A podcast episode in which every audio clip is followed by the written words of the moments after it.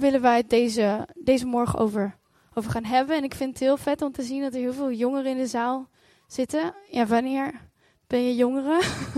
uh, maar ik wil, ben wel even benieuwd. Ik wil even handen zien als je onder de... Wat zullen we doen?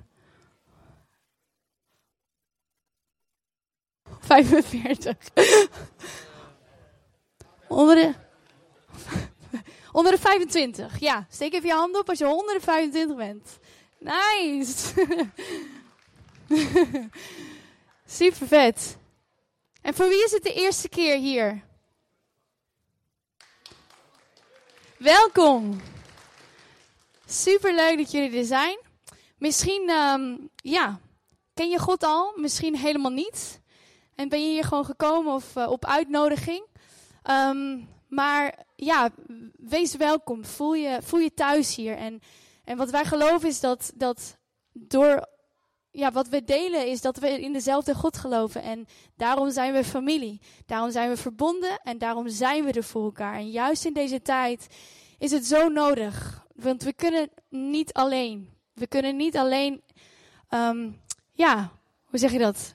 In deze wereld ja, staande blijven. Ja, precies. We hebben echt elkaar nodig. En dat is wat, wat mij ook zo uh, raakt, zeg maar. Als we samen kunnen komen en, en er voor elkaar kunnen zijn. Voor elkaar kunnen bidden, elkaar kunnen bemoedigen. Dus um, wees welkom. Ja, ik, voor de mensen die ons dan niet kennen. Um, ik ben Arnan. Dit is mijn vrouw Anne. We zijn vijf jaar getrouwd. Uh, volgens mij hebben we nog een leuke foto van ons. Oh ja, wij kunnen dat zelf doen. Sorry. Niet van het trouwen, nee, hebben we niet. Ja, maar uh, ja, wij zijn vijf jaar getrouwd, elf jaar samen, um, maken samen muziek um, en um, ja, vertellen over wat we, wat we doen in ons leven. want het is een leuk verhaal, Walk His Way. We zijn begonnen met, even kijken, doet hij het? Ja, dat zijn wij. hij doet het niet. Waar moet ik richten? Daar? Hier? Huh? Ja, klik jij maar. ja, doe jij het maar. Hij doet het niet. ja, de volgende foto. Je ziet hem al, niet? Wel.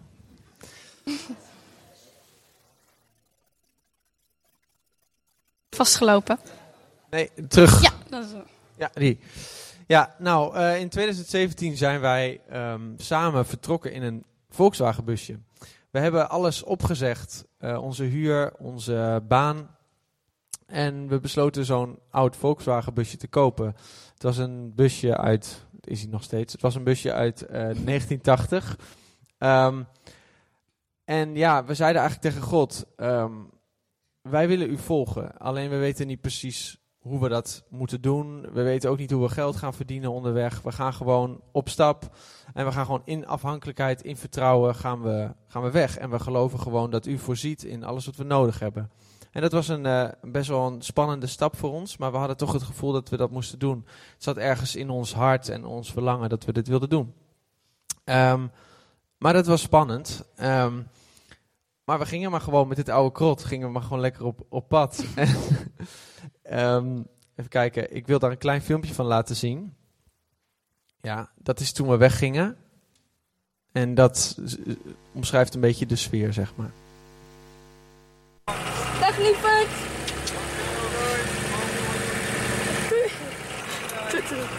Ja!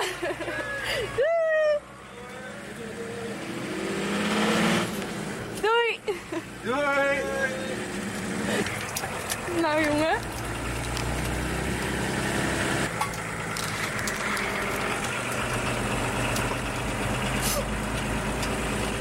Komt allemaal goed. Welkom bij de avonturen van Anne en Arno. Volgende keer meer. Doei!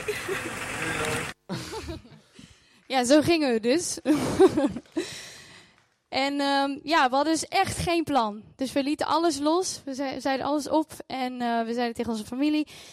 Ja, misschien zijn we over twee weken weer terug. Misschien komen we nooit meer terug. Dus het was echt best wel uh, heftig. janken, ja. En eh, je zag ook twee jongens eh, achterop. Dat was mijn broertje en Piotr, die eh, hing ook aan de achterkant van de bus om ons uit te zwaaien. Maar ja, dat was het. We gingen. En ehm, we hadden geen idee. Maar we hadden wel zoiets van, heer, we willen, ja, we willen uw plan volgen. Maar hoe? Dus we gingen, ja, we gingen bij elke rotonde gingen we God vragen, heer, welke kant moeten we op? Wanneer moeten we af? Nou ja, toen zei ik van Arne, ik hoor niks. Hij zo, ja, ik ook niet. Dus we bleven maar rondjes rijden op die rotonde. Nou, uiteindelijk hadden ze iets van, dit, dit werkt ook niet. Dus toen uh, hadden we een grote kaart. En um, toen gingen we gewoon bidden en op de kaart prikken.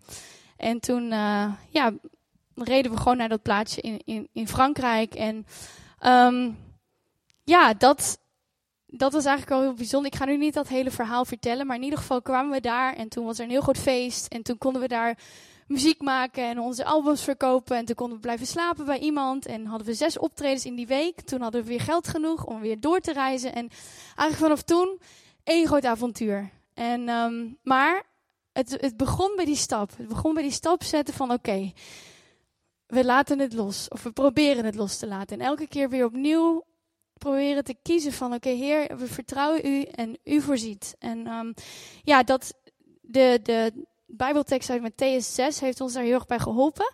Die hebben we ook op de beamer. Zoek eerst het koninkrijk van God en zijn gerechtigheid. En al deze dingen zullen u erbij gegeven worden. Dus dat gaat over, maak je niet druk over wat je moet eten, drinken, kleding, dat soort dingen. Wees niet bezorgd over de dag van morgen, want de dag van morgen zal voor zichzelf zorgen. Elke dag heeft genoeg aan zijn eigen kwaad. Dus uh, ja, daar hielden we ons eigenlijk heel erg aan vast. En zonder plan konden we eigenlijk ook niet echt zorgen maken over de dag van morgen. Dat was ook wel weer fijn. Maar ja, soms doe je dat toch. Want ja, je moet ook geld verdienen en je, je weet soms niet hoe het gaat. Maar we hebben gewoon gemerkt dat God altijd weer ja, personen op ons pad bracht. Of uh, bijzondere ontmoetingen. Of, of uh, gewoon dat hij. Dat, hij voorzag altijd uh, financieel of gewoon als we het even niet meer zagen zitten. Of als we gingen bidden voor mensen die we zouden ontmoeten. Um, dat is ook gebeurd. We hebben ook hele bijzondere vrienden ontmoet op de reis. Gewoon omdat we zeiden tegen God: um, Ja, we, we, zoeken echt christelijke vrienden waar we mee op mogen trekken. En die heeft hij ons gestuurd. Uh, en die hebben we in Zuid-Spanje ontmoet. Maar daaraan, zeg maar, in al die ontmoetingen en al die um, gebedsverhoringen hebben we echt kunnen zien dat God. Um, niet, ja, hij is gewoon dichtbij en hij wil echt laten zien in kleine dingen dat hij voorziet. En soms denk je van ja, waarom moet ik daarvoor bidden, weet je wel? Waarom, waarom, dat is niet belangrijk of zo. Maar hij ziet jou en hij ziet jou met je kleine dingen. En ja, dat vind ik mooi. Uh, al is het gewoon een bus die even niet start en dan bid je en dan start je ineens weer, weet je wel? Dat, dat soort dingen gebeurden gewoon. Um, maar dat gebeurt ook, dat gebeurt ook voor, voor jou. En dat vind ik zo mooi. God is dezelfde voor iedereen. Um, wat ik mooi vond aan, uh, aan, aan die reis, dat we zoveel mensen ontmoeten, um, dat we zoveel tijd hadden uh, om met mensen te connecten ook. En dat zie je in deze tijd natuurlijk, dat is best wel uh, moeilijk nu. ook weer met het hele COVID gebeuren. Het hele connecten met mensen is een beetje op een laag pitje beland. En ja, ik bemerkte echt dat je gewoon kon connecten met zwervers op een parkeerplek of gewoon met mensen op straat. Op een of andere manier is dat leven in een bus een soort van vrije manier van leven, waardoor je um, meer connectie maakt. We gingen ook vaak straatmuziek op straat spelen. Um, en zo konden we ook echt met mensen in gesprek komen. En ik denk dat het heel belangrijk is om weer echt nu ook, nu het weer soort van kan, um, gewoon weer met mensen te connecten. En gewoon eens mensen aan te spreken op straat. Gewoon van, hoe is het, weet je wel? Ja, en ik denk ook van, uh, we zochten ook heel erg naar uh, manieren van, hey, hoe kunnen we nou dat wat wij hebben ontvangen, zeg maar, het leven dat Jezus ons geeft, de vreugde en de, um, ja, de, de blijheid, hoe kunnen we dat delen met mensen? En nou ja, dat merkten we ook God heeft, God heeft iedereen talenten ge- gegeven. En voor ons is dat ook echt, nou ja, muziek. En dus we merken ook door het spelen op straat en door ehm, dat dat ook weer een opening is om met mensen in gesprek te gaan. En ook echt, ja, we waren echt op zoek van, Heer, hoe kunnen we nou uw liefde uitdelen, zeg maar. En ehm, ja, daar begonnen we ook al wel mee toen we op reis gingen, maar we hadden totaal geen idee hoe. We vonden het ook heel spannend. Durfde ik eigenlijk niet mensen aan te spreken. En, ehm, maar gaandeweg, um, ja, heeft God ons steeds meer daar ook voor voorbereid. En um, zo zijn we ook in contact gekomen met een missieorganisatie, dat heet Steiger. Ooit begon in Amsterdam als Steiger 14. En dat is gewoon een hele familie over de hele wereld. Jonge, hippe mensen, dus geen uh, saaie mensen. Uh, daar zeg ik verder helemaal niks meer. En, uh, en, maar het sloot heel erg aan waar we al mee bezig waren. Want wij waren op zoek, hoe kunnen we dat nou doen? En hun missie is om echt de jeugdcultuur te bereiken die zelf nooit naar een kerk zouden gaan. Dus, en, dan het, en, en door middel van creatieve dingen. Dus muziek, dans, theater. Dus wat we doen is dat we naar de plekken gaan waar zij zijn. Dus naar skateparks, naar clubs, bars, um, de straat. En, en dan gewoon met hun in gesprek van... hey, wat gaat er nou in je om? Waar, waar, waar worstel jij nou mee? Waar, waar ben jij mee bezig? En... Um, ja, en dus die hele organisatie, dat was voor ons een. Um, daardoor zijn we echt een beetje gepusht om, om daar ook in mee te gaan. En het was ook echt een verlangen. Maar soms moet je ook dingen doen die je spannend vindt en die je niet zo gauw uit jezelf zou doen. En daarin voelen we ook, wat ik net al zei, daarin heb je elkaar ook nodig. Dat je als familie voor elkaar bent en zegt: hey, let's go, laten we gaan, weet je wel. We hebben iets te vertellen, we hebben iets te, doen. En um, we willen kort een. een um, een filmpje laten zien over Steiger en ook wat de missie is. Ook als jij hier als jongere zit en je denkt van ja, ik wil uh, allereerst, ik wil meer weten van ja, wie, wie is God? Hoe, hoe, kan ik hem, hoe kan ik hem zoeken? En, en daarin ook hoe um, ja, vind ik weer die connectie ook met andere jongeren. Dat je echt wordt uitgedaagd en um, gestimuleerd om meer daarmee bezig te zijn. Dan uh, kom, kom daarna eventjes na de dienst even naar ons toe. Want ja, wij, wij vinden het gewoon echt heel erg gaaf. En we zien gewoon die, die movement. En uh, een movement van hoop. En dat is juist wat de, de nieuwe generatie nodig heeft. Dus een filmpje over ja, wat de missie is.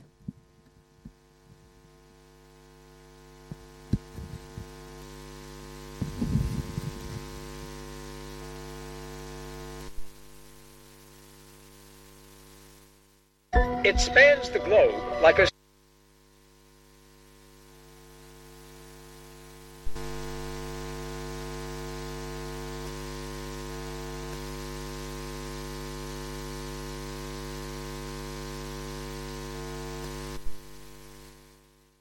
It spans the globe.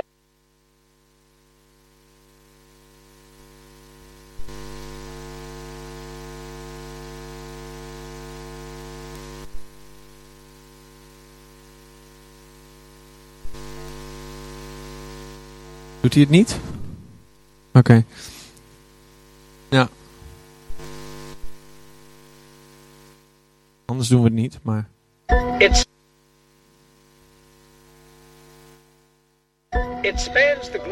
like a superhighway. It is called internet. We live in a time of unprecedented connectedness. Mass media, economic strategies, and above all, the internet have eroded cultural boundaries. Young people today are more similar than ever, making up a truly global youth culture. They can point and click their way across the ocean. The religion of the global youth culture is secular humanism, which says that God has been replaced, man is at the center, and there is no outside authority that can tell me how to live my life. On the surface, this generation believes there is no absolute truth, and therefore no universal morality. Everyone is free to choose for themselves what is right and what is wrong. In reality, certain values are dogmatically defended, and those unwilling to conform will be canceled. We are told that the key to happiness is found within. Just follow your dreams. Don't let anyone tell you who you are or what you want. Take care of yourself above all else. This may sound liberating, but we are anything but free. We have grown up in a world dominated by video games, pornography, and social media. These industries spend billions of dollars working around the clock with the sole purpose of making their content more and more addictive. And it's working. We spend hours a day interacting in virtual worlds, trying to live up to the carefully curated lives of pop stars and internet influencers that we follow online. This is leading to an epidemic of loneliness, anxiety, depression, and suicide. Without a moral compass, an anything goes attitude has been adopted when it comes to sexuality. Sex is meaningless, gender a personal choice, monogamy a joke. But it's not all bad. There is hope. This generation is passionate about injustice. They care about the oppressed and the marginalized. They want to use their lives to make a difference in the world. A commitment to tolerance has made them open to spiritual conversations, which can be an opportunity to share the gospel. On top of that, the internet has made it possible to reach millions of people instantly. Social media is being used to share the gospel in places previously impossible to reach. If we are going to reach the global youth culture, we have to understand the unique challenges that they are facing and how we can best respond. It starts by recognizing the large cultural gap that exists between the church and this global generation. In order for us to reach them, we need to go to their places and learn how to communicate with them in a way they will understand. Most importantly, this cannot just be a trend to study or statistics to analyze. These are our brothers, our sisters, our sons and daughters, friends and coworkers. Our heart needs to break for them. Things might seem bad, but there is hope. God is greater than the problems facing the global youth culture.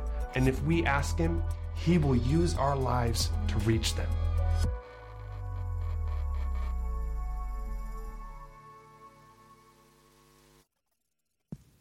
Yes. Nou, dat is in het kort even wat het, uh, wat het inhoudt. Maar ja, wat we geloven is dat Gods plan voor ons leven is om Hem lief te hebben boven alles. En Zijn waarheid en liefde uit te delen. En Jezus zegt zelf dat Hij de weg is. En Hij vraagt of we Hem willen volgen. En dat is niet saai, maar juist een avontuur. En dat is ook wat wij in ons eigen leven hebben, hebben ervaren. En het gaat niet om dat je in een bus rijdt en weet ik veel uh, dat. Maar het gaat om dat er, uh, wat het betekent om echt vrij te zijn en om echt daarin te wandelen. En um, ja, maar het betekent ook soms dat je je eigen plan los moet laten. En ontdekken dat Gods weg zoveel beter is dan, dan onze eigen weg. En dat is niet altijd makkelijk, maar Hij helpt ons daarbij. Dus ja, en God wil iedereen gebruiken. Jij bent uniek en jouw talenten, die, zijn, die heb je gekregen met een reden. En, en vooral voor de jongeren wil ik ook zeggen van, jij bent echt gemaakt voor een tijd als deze. Het voelt misschien echt van, ja, kak, weet je wel, wat, wat moet ik nou? En, en ik zit hier maar. En, maar jullie zijn echt gemaakt voor een tijd als deze. Um, ja, dus dat wilden we zeggen. Ja, en ik vind het wel leuk als we, als we het een beetje interactiever maken. Um, we hebben zelfs nog een Bijbeltekst die echt voor ons al heel erg spreekt. Um, het hart van de mens overdenkt zijn weg, maar de Heer bestuurt zijn voetstappen. En dat is een beetje hoe wij ons voelen. Um, uiteindelijk bepaalt God waar we heen gaan als we naar hem luisteren en als we, als we echt zijn weg willen volgen. Maar het leek me wel leuk om eventjes in een klein groepje um, de volgende vragen door te spreken met elkaar. Ja, het, eigenlijk het idee is, wij zijn nu al een beetje veel te lang aan het woord, maar komt goed. Um, wij hebben nu iets gedeeld en, en verteld en daarbij een vraag. En dat willen we heel graag dat je, dat je dat samen zeg maar even gaat doornemen. De vraag is als volgt. Sta jij open voor Gods plan? Zelfs als zijn plan heel anders is dan die van jou. En hoe denk je dat God jou kan gebruiken? Dus um, ja, maak even groepjes van, ik weet niet, vijf of zes of zo. Of, um, ja, dat is logistiek allemaal een beetje. Nou, ik hoop dat, dat, jullie dat zelf kunnen oplossen. En dan heel even vijf minuten. Um, dus ja, het kan helaas niet zo lang. Maar even van elkaar horen van, hey, hoe doe je dat? En waarin kunnen we, kunnen we elkaar ook helpen? En dan, uh, en dan geven wij hierna het woord aan Piotr. En daarna komt Angela ook nog. Dus, ehm, en doe even niet de vraag beantwoorden met ja en ja, want dan, dan, weet je, dan ben je eh, zo klaar. Ja. Dus echt even met elkaar connecten.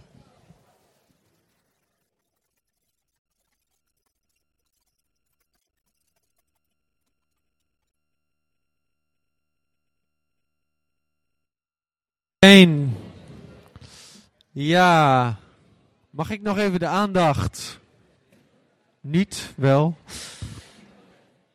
Ik hoop dat het eh, een beetje heeft geholpen om, de, om eh, over deze vraag na te denken. Piotr gaat eh, nu spreken en ik ga nu eventjes een beetje daar weer dieper op in. Ehm, dus ik geef nu het woord aan Piotr, denk ik. Yes, dankjewel. Kan je heel even nog die mic vasthouden?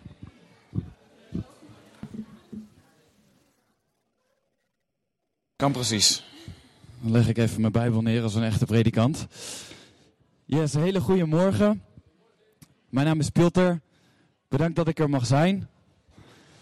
Ehm, het is een beetje onwennig voor me normaal. Ja, gaat goed achterin. Normaal sta ik soort van midden in de wereld eigenlijk als ik ergens mag spreken of mag optreden. En dit is eigenlijk mijn eerste keer dat ik mag spreken en mijn verhaal mag doen in een kerk. Dus ik vind het heel bijzonder en ik vind het heel mooi. Bedankt Mariet. Dankjewel. Dus ja, ik vind het heel mooi om vanmorgen in jullie midden te zijn. En ja, dat ik eigenlijk jullie mag delen hoe, hoe mijn leven met God is. Dat ik jullie mijn gedachten mag geven over Walk His Way. Hoe mijn loop met God ging. En nog steeds gaat. En ik vind het heel mooi. eh, ook dat Arne en Anne er vanmorgen zijn. Want eigenlijk mijn wandel met God is voor een heel groot gedeelte ook samen met hun geweest. En daarom vond ik het ook best moeilijk toen zij weggingen. Je zag mij in het filmpje achterop eh, de bus staan. Ik kon ze nog net laten gaan. Maar ik ben heel dankbaar voor hun ook in mijn leven. En daar ga ik straks ook wat meer over vertellen. Maar ik vind het mooi om eerst te vertellen hoe mijn droom eigenlijk begon. Ik wilde als kleine jongen heel graag artiest worden. Ik wilde rapper worden. Ik wilde muziek maken. Ik zag eh, Lange Frans op tv en ik dacht, nou dat is vet. Dus dat wilde ik ook doen. En ik weet nog dat eh, mijn vader zich gelijk zorgen maakte toen ik eh, naar rappers begon te luisteren. Dat hij dacht van, oh nee, dat gaat helemaal de verkeerde kant op. Verschrikkelijke teksten allemaal. En toen gaf hij mij een een cd. Voor de jongeren die niet meer weten wat een cd is, dat is een soort schijfje. Dat gooi je ergens in en dan komt er muziek uit. En dat was een eh, cd en dat heette Hip Hope 2005. En dat was dan een cd met allemaal christelijke rappers. En zo hoopte mijn vader mij nog een beetje in de goede banen te leiden. En nou, dat werkte een soort van, want eh, als ik die cd had geluisterd, dan ging ik daarna gewoon weer Eminem luisteren. En ehm, ja, dat is altijd mijn droom geweest om dat ook zelf te gaan doen. En op een gegeven moment begon dat te lukken. En ik merkte dat ik daardoor heel veel midden in de wereld stond eigenlijk. En veel met gasten was die geld, status en macht aan het najagen waren. En ik merkte dat dat best wel besmettelijk was. En dat dat soms een negatieve invloed op me had. Dat ik me ook daarop begon te richten. En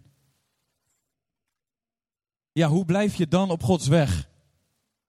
Op zo'n moment is het, of ja, zo'n moment, zo'n fase was het voor mij best lastig om echt Gods weg te blijven lopen. En wat voor mij super belangrijk is geweest, zijn dus inderdaad jongens als Arnan, Jorim, zijn broer zit daar, Sjoerd zie ik volgens mij zelf zitten. Dat zijn jongens met wie ik ben opgegroeid. En zij hielden mij altijd soort van met twee benen op de grond. En met hun, ik, met hen, ik heb ook een Pabo-diploma. Met hen had ik supermooie gesprekken over, over God en over de dingen die we moeilijk vonden in onze puberteit. En we konden zonde aan elkaar beleiden. En we hielpen elkaar verder. We hielpen elkaar richting God. En we zorgden eigenlijk dat we gericht bleven op God. En ik weet nog dat dat voor mij echt een super belangrijke tijd is geweest. We gingen altijd braaf naar de kerk. En ja, daar zaten we misschien een beetje te ouwe hoeren achter in de kerkbanken.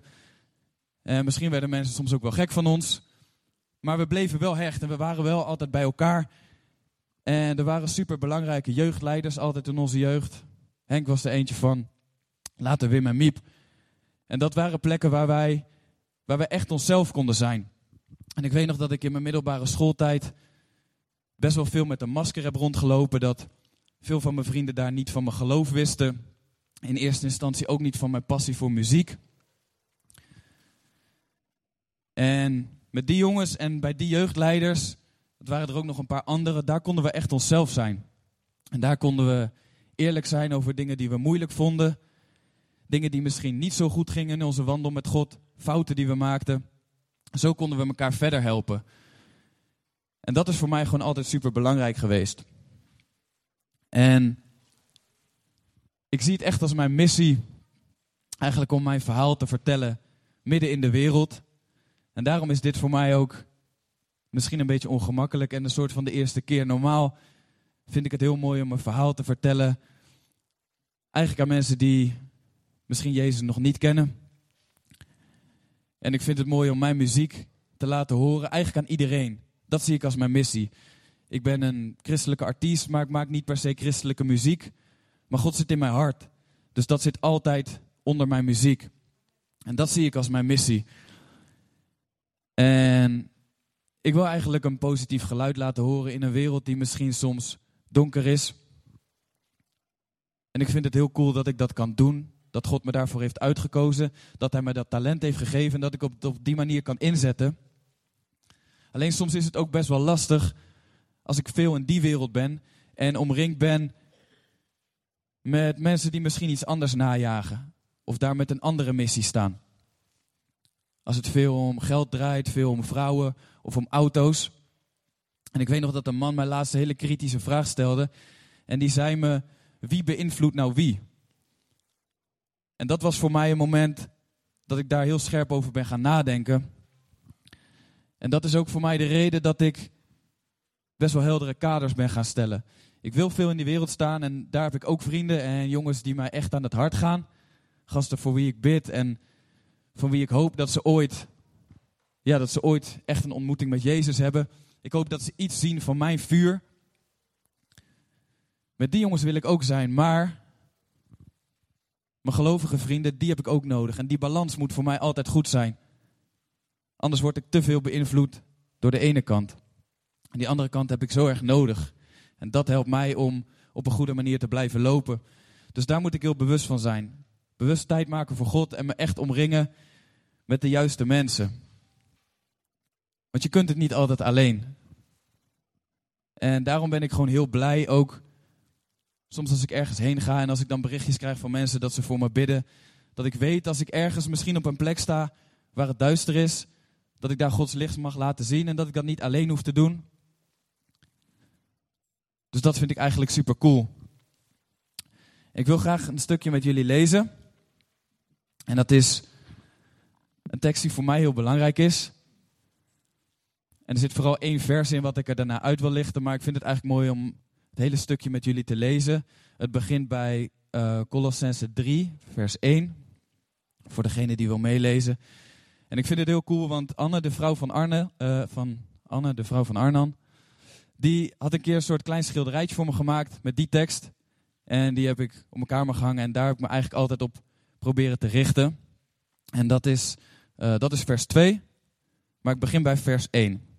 En bij mij staat erboven, zoeken wat boven is.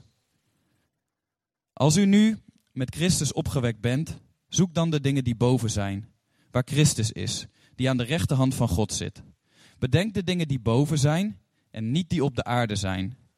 Want u bent gestorven en uw leven is met Christus verborgen in God. Wanneer Christus geopenbaard zal worden, die ons leven is, dan zult u ook met hem geopenbaard worden in heerlijkheid. Dood dan uw leden die op aarde zijn: ontucht, onreinheid, hartstocht, kwade begeerte en de hebzucht die afgoderij is. Door deze dingen komt de toorn van God over de ongehoorzamen. In deze dingen hebt u ook voorheen gewandeld toen u in die dingen leefde. Maar nu legt ook dit alles af, namelijk toorn, woede, slechtheid, laster en schandelijke taal uit uw mond. Lieg niet tegen elkaar, aangezien u de oude mens met zijn daden uitgetrokken hebt en de nieuwe mens aangetrokken hebt, die vernieuwd wordt tot kennis overeenkomstig het beeld van Hem die Hem geschapen heeft. Ik denk dat ik hem even tot daar laat. Voor mij is dit echt iets super belangrijks. En misschien vers 7 spreekt me ook heel erg aan. In deze dingen hebt u ook voorheen gewandeld toen u in die dingen leefde. En er is een tijd dat ik te veel met die jongens meeging, met wie ik muziek maakte en met wie ik midden in de wereld stond. En dat is echt iets wat ik nu bewust van me heb afge, afgelegd. En nog steeds is het wel iets waar ik soms mee te maken krijg, wat op me af wordt gevuurd. Maar door de juiste mensen om me heen en de juiste focus probeer ik daarin scherp te blijven. Dat blijft lastig, maar wat ik jullie echt wil meegeven is, let op de mensen die je om je heen hebt. Probeer elkaar te steunen. Iemand anders heeft jou misschien nodig, maar jij hebt soms ook mensen nodig. Ik wil graag eigenlijk uh, jullie weer even laten nadenken in diezelfde kleine groepjes over de volgende vraag. Wat zijn dingen die jou afleiden van zijn weg? Daar mogen jullie weer even kort over in gesprek gaan. En daarna heb ik nog een special guest. Dat is Angela, mijn verloofde. Die wil graag ook iets delen over haar leven. Dus pak weer even kleine vijf minuten je tijd. Dan gaan we zo weer door. Gehad. Ik wil jullie vragen om weer een uh, klein stukje bij te draaien. Deze kant op. Top. Dank jullie wel. Want uh, ja, het is tijd voor de grote finale. Um, yes, mijn verloofde Angela die wil graag iets delen over haar leven, hoe haar wandel met God ging. Was niet altijd even makkelijk, maar God was er altijd bij. Toch?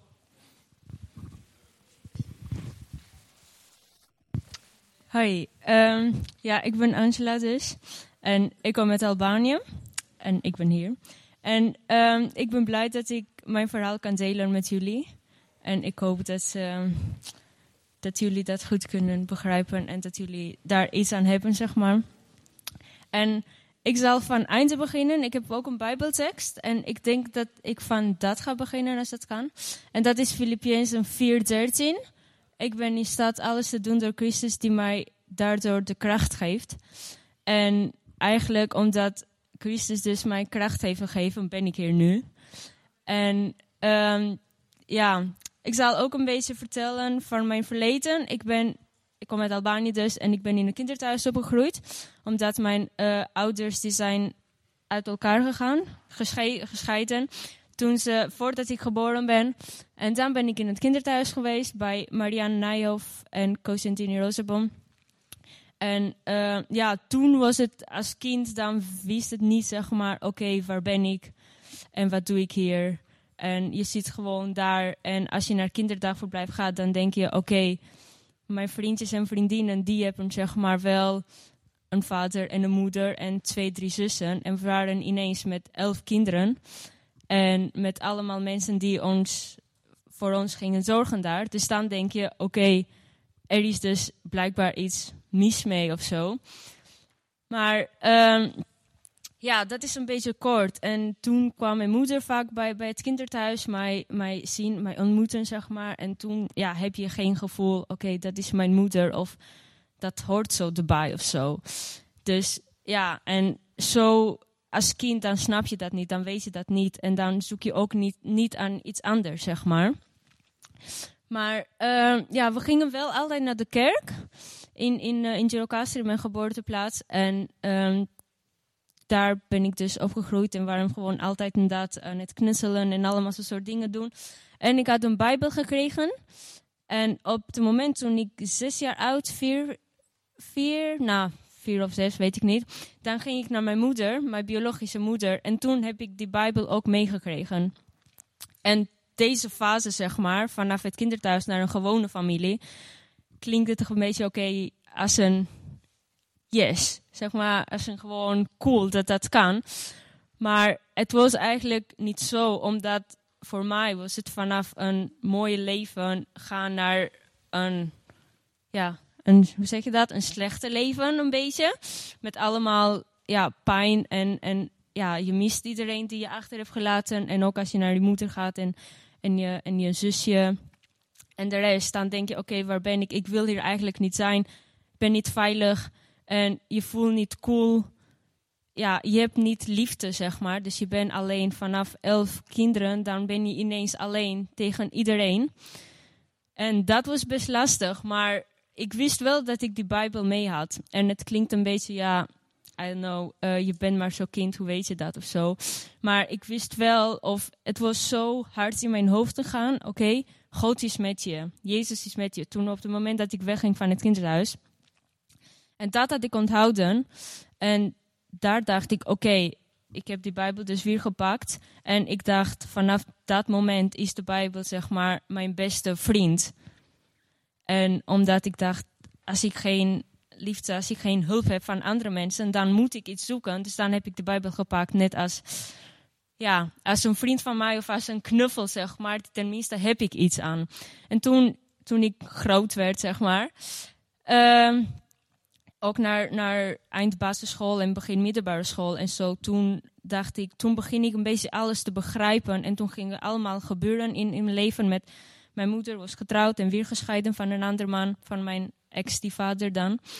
En uh, toen kwam het, oké, die man die ik zag op het moment dat ik van het kinderthuis naar mijn biologische moeder ging, die was dus niet mijn eigen vader. En ja, ik dacht toen, oké, ik ben echt hecht aan hem, omdat ja, meestal hebben de meisjes, als het goed is, meer connecties met de vaders.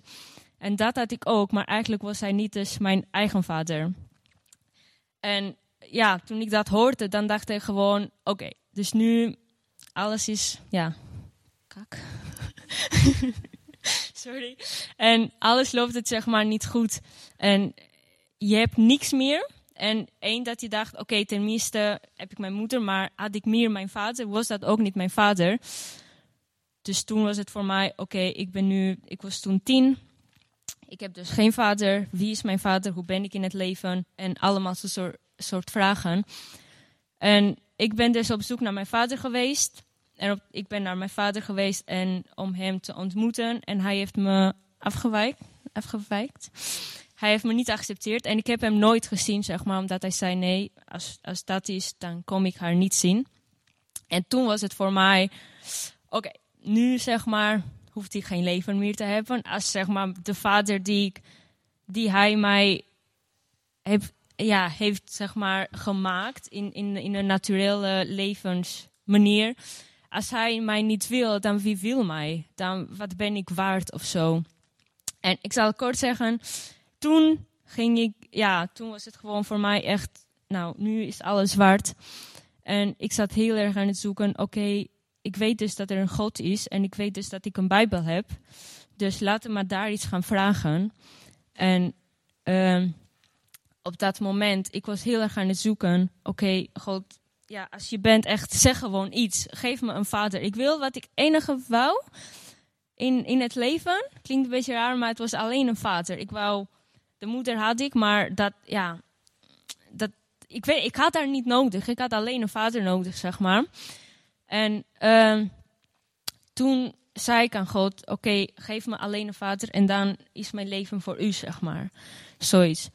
En uh, dan heb ik een antwoord gekregen van God. Het duurde een beetje, maar toen ik denk ik 14 was, dan heb ik heel erg gevoeld en heel erg gehoord toen ik op school zat in de klas. Oké, ik ben je vader en je bent niet alleen en ik hou van je. En toen was het voor mij wow, ik weet het niet. Toen, ja, ik kan het niet geloven, zeg maar, dat ineens iemand zegt aan jou, ik ben je vader, ik hou van jou. En dat is zo hard of zo, om, om dat op dat moment te voelen. En ja, sinds die moment heb ik oké gezegd, als jij zegt, als God, als je zegt, u bent mijn vader, dan ben ik uw dochter en dan ga ik volgen. Maar ja, als je inderdaad tiener bent, dan alle je vriendjes die, ja, die zijn een beetje anders of die doen allemaal dingen die, ik ben nu twintig, die normaal zijn voor ons, zeg maar. Maar eigenlijk misschien niet normaal voor de weg van God. En hoe doe je dat dan? Omdat ik was heel bang om dingen te doen. Ik was heel bang om een vriendje te hebben, tot en met mijn 18. Omdat in Al het was ook een beetje cultuur in Albanië, dan mocht dat niet, zeg maar. Je mag niet een vriend hebben, dus ik was bang. Dus ik dacht, ja, als het de vaders van mijn vriendinnen weten wat mijn vriendinnen doen met alle roken, alle vriendjes, alle weet ik niet wat. Ja, en de vaders van hem zien dat niet, maar ik weet wel dat mijn vader boven is En als je boven bent, dan zie je eigenlijk wel wat er naar beneden gebeurt.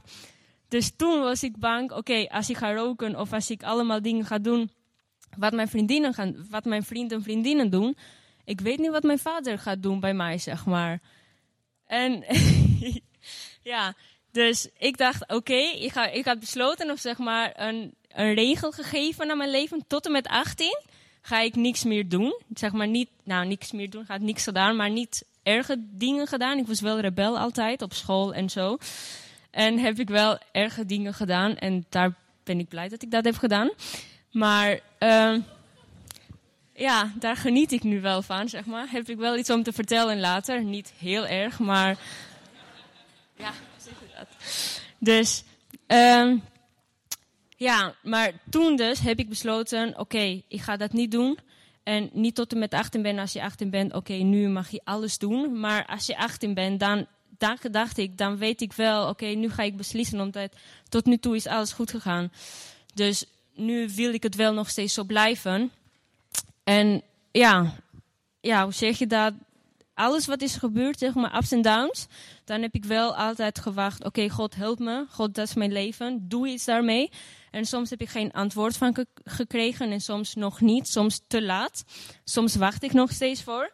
Maar ik weet wel dat de antwoord gaat komen. En als het niet komt, dan tijdens het wachten van het antwoord, dan heb ik ook allemaal dingen geleerd. En heb ik toch met God geweest. En nu ben ik hier in Nederland. Ik studeer uh, tweede jaar voor social work in Eden. En het was ook moeilijk om hier te komen. Nieuwe taal, nieuwe mensen, allemaal. Maar ik dacht, oké, ik ben 18. Laten we maar eens gaan proberen. En ik ben hier gekomen. En nu is het mijn leven. Eindelijk ben ik blij, zeg maar, na 18 jaar. Eindelijk, ja, voel ik, voel ik me thuis. Eindelijk, ja, heb ik een, een familie, zeg maar. Voor mij, iedereen is een familie. En heb ik een school, ga ik bijna trouwen, heb ik een lieve man, bijna. En uh, nu lijkt het een beetje, oké, ik heb school, ik, ik, ik, ik ben blij, ik heb vrienden, ik heb een man, ik heb een huis. Wat wil ik nog dan? Maar nu denk ik, oké, als ik nu God laat, dan ben ik bang, wat gaat gebeuren daarna? Als ik God nu laat, ga ik weer terug in het verleden? Dat wil ik ook niet. Maar ik wil ook niet, ik wil ook trouw blijven van, oké, God, je hebt me tot hier gebracht. Dus als ik hier God nu laat, ja, dan ben ik ook die, die erge meid. Oké, ik heb je alleen nodig in slechte tijd en als het goed gaat, dag. Dus nu denk ik, als God het mij hier heeft gebracht, dan wil ik vasthouden, zodat God mij verder kan brengen. En niet voor mijn eigen naam, maar dat ik wel gewoon kan genieten van het leven en van mensen die God heeft gebracht aan ons. Dus dat. En als het goed is, heb ik ook een vraag. Uh, wanneer heb, jij, heb je Gods hulp echt nodig gehad? Heb je toen gemerkt dat Hij jou heeft geholpen? Dus ik hoop dat het, uh, dat het duidelijk is. En als jullie willen, dan kunnen jullie weer in die kleine groepjes even gaan bespreken over. En dat. En dank u wel voor het luisteren.